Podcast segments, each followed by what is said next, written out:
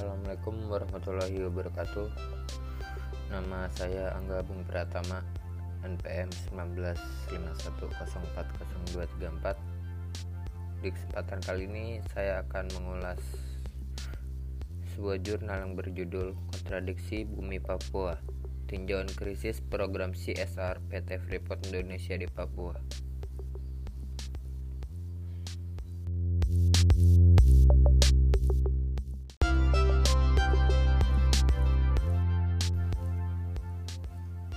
PT Freeport dikenal sebagai sebuah perusahaan tambang emas dari Amerika Serikat yang lama mengenduk bumi Indonesia semenjak tahun 1967 hingga sekarang.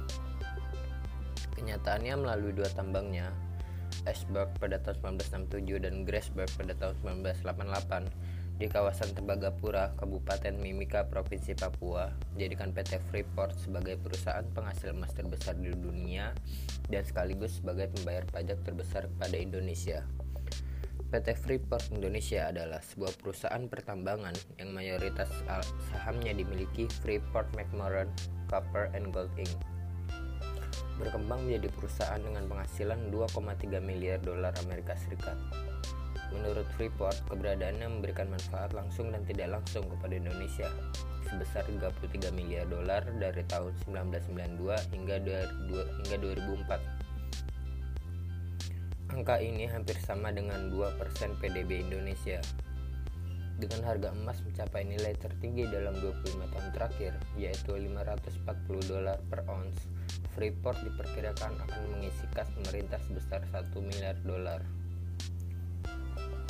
Sedikit kilas balik dak, sebelum PT Freeport masuk ke wilayah suku Amukma, salah satu suku yang diami Papua, mereka memiliki kepercayaan bahwa tanah mereka adalah keramat dan secara adat tidak diizinkan untuk dimasuki. Tetapi pada tahun 1971, PT Freeport berhasil masuk ke daerah keramat ini dan buka tambang Esberg. Sejak tahun itulah warga Amukma dipindahkan keluar dari wilayah mereka ke wilayah kaki pegunungan. Papua sendiri adalah sebuah provinsi Indonesia yang terletak di bagian tengah Pulau Papua atau bagian paling timur West New Guinea atau Irian Jaya. Belahan timurnya merupakan negara Papua Nugini atau East New Guinea. Provinsi Papua dahulu mencakup seluruh wilayah Papua bagian barat sehingga sering disebut sebagai Papua Barat terutama oleh organisasi Papua Merdeka.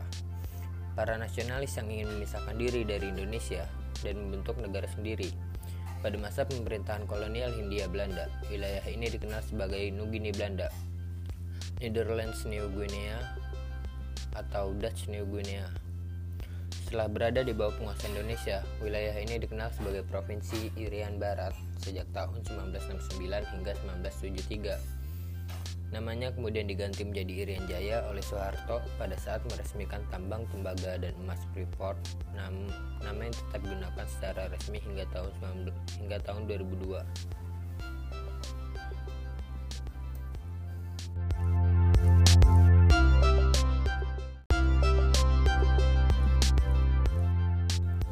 Program CSR PT Freeport Indonesia di bidang perubahan dan pengembangan sosial sebagai bentuk CSR PT Freeport Indonesia ada beberapa kegiatan yang dilakukan. Antara lain komitmen sosial dan budaya membina hubungan saling menguntungkan komitmen dan prakarsa hak asasi manusia audit kinerja sosial dan HAM dana kemitraan Freeport bagi pengembangan warga Papua pelatihan pendidikan dan pengembangan warga Papua pengembangan wirausaha, program rekognisi hak ulayat, menjadikan etika bisnis sebagai prioritas, tata kelola korporasi, dan yang terakhir aspek penanganan keamanan. Dan dalam segi pengelolaan lingkungan, PT Freeport Indonesia memiliki komitmen terhadap lingkungan dengan selalu mengadakan audit lingkungan yang berujung pada dibuatnya rencana kerja berdasarkan usulan yang diajukan oleh para auditor.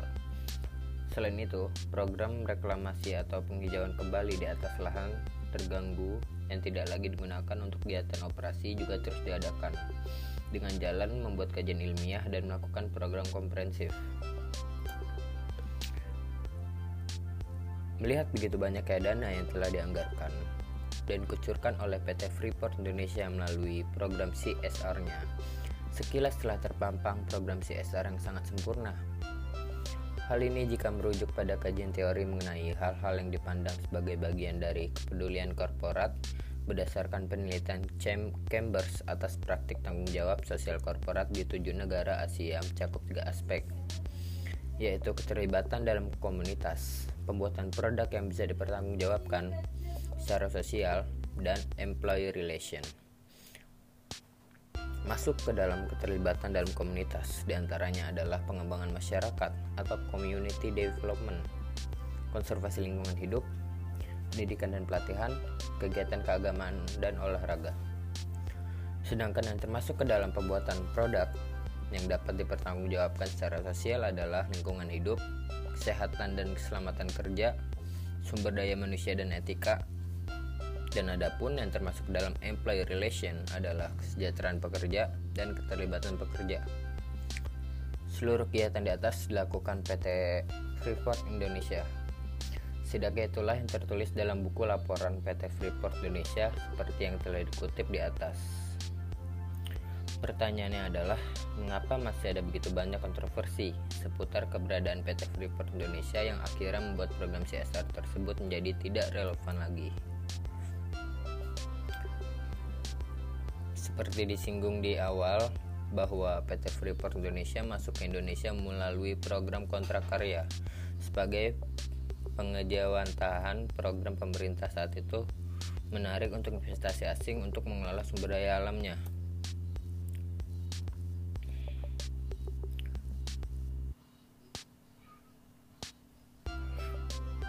Jika apa yang telah dilakukan PT Freeport Indonesia dikontraskan lagi dengan fakta yang ditemukan di lapangan, bahwa 50% penduduk Jaya hidup di bawah garis, garis kemiskinan. 35% di antaranya hidup di daerah pembuangan yang penuh dengan zat berbahaya, ditambah dengan indeks pembangunan manusia Papua dan indikator kesehatan dan pendidikan menduduki ranking 27, nomor urut 5 terbawah di Indonesia. Yang paling parah, sebagai bumi yang, yang memiliki cadangan emas terbesar di dunia, justru tergolong provinsi dengan penduduk termiskin terbesar di Indonesia. Lalu pertanyaannya, penduduk mana yang telah menjadi sasaran program CSR PT Freeport Indonesia? Jika menelaah kembali buku laporan yang telah dipaparkan di atas, sasaran CSR PT Freeport Indonesia terbanyak adalah pada suku Amukme sebagai suku yang mendiami langsung tanah yang kemudian menjadi tambang esbek. Padahal Papua tidak hanya suku Amukme, tercatat ada sekitar 255 suku yang mendiami Papua dengan kekayaan tambang, tapi mereka juga berhak untuk mendapatkan kesejahteraan dan kemakmuran. Sedikit gambaran keseimbangan pembagian keuntungan antara PT Freeport Indonesia dengan Indonesia selaku negeri pemilik kekayaan alam. Setiap tahun Indonesia hanya mendapatkan royalti sebesar 9,4% ditambah pajak. Padahal total pendapatan Freeport pada tahun 2005 adalah 4,2 US dollar miliar dolar dengan kontrak karya hingga 2041. Jika dapat sedikit berandai-andai, bisa dibayangkan jumlah dana yang bisa dialokasikan untuk program CSR rakyat Papua jika pengelolaan tambang emas di Papua tidak diserahkan kepada perusahaan asing tetapi langsung dikelola oleh negara. Tidak hanya 9,4% keuntungan yang akan masuk, tapi jauh lebih banyak dari itu. Akan tetapi, pengambil alihan pengelolaan tambang oleh negara ibarat masih jauh panggang ibarat seperti masih jauh panggang dari api. Realisasinya masih sangat sulit jika negara belum mau mengambil langkah revol revolusioner seperti yang diambil oleh Venezuela dan Bolivia dengan menasionalisasi aset bangsa, terutama bahan tambang. Tidak hanya rakyat Papua yang akan sejahtera, tapi juga wilayah-wilayah lain di Indonesia yang akan ikut merasakannya. Jadi, CSR dalam kasus PT Freeport Indonesia masih jauh dari sempurna dalam hal pelaksanaannya. Ibaratnya hanya sebagai sedikit balas budi untuk kekayaan yang sudah berpindah tangan dari Indonesia ke Amerika Serikat. Negeri asal perusahaan ini selama 42 tahun Masih 32 tahun ke depan PT Freeport bebas beroperasi hingga kelak mereka meninggalkan bumi Papua dengan sebuah bekas kedudukan raksasa tambang emas yang mungkin sudah habis tak bersisa lagi. Meninggalkan pemerintah Indonesia dengan pekerjaan rumah mengembalikan tanah Papua yang sudah terkontaminasi dan penuh dengan zat bahaya bagi lingkungan. Sekian dari saya, kurang lebihnya mohon maaf. Wassalamualaikum warahmatullahi wabarakatuh.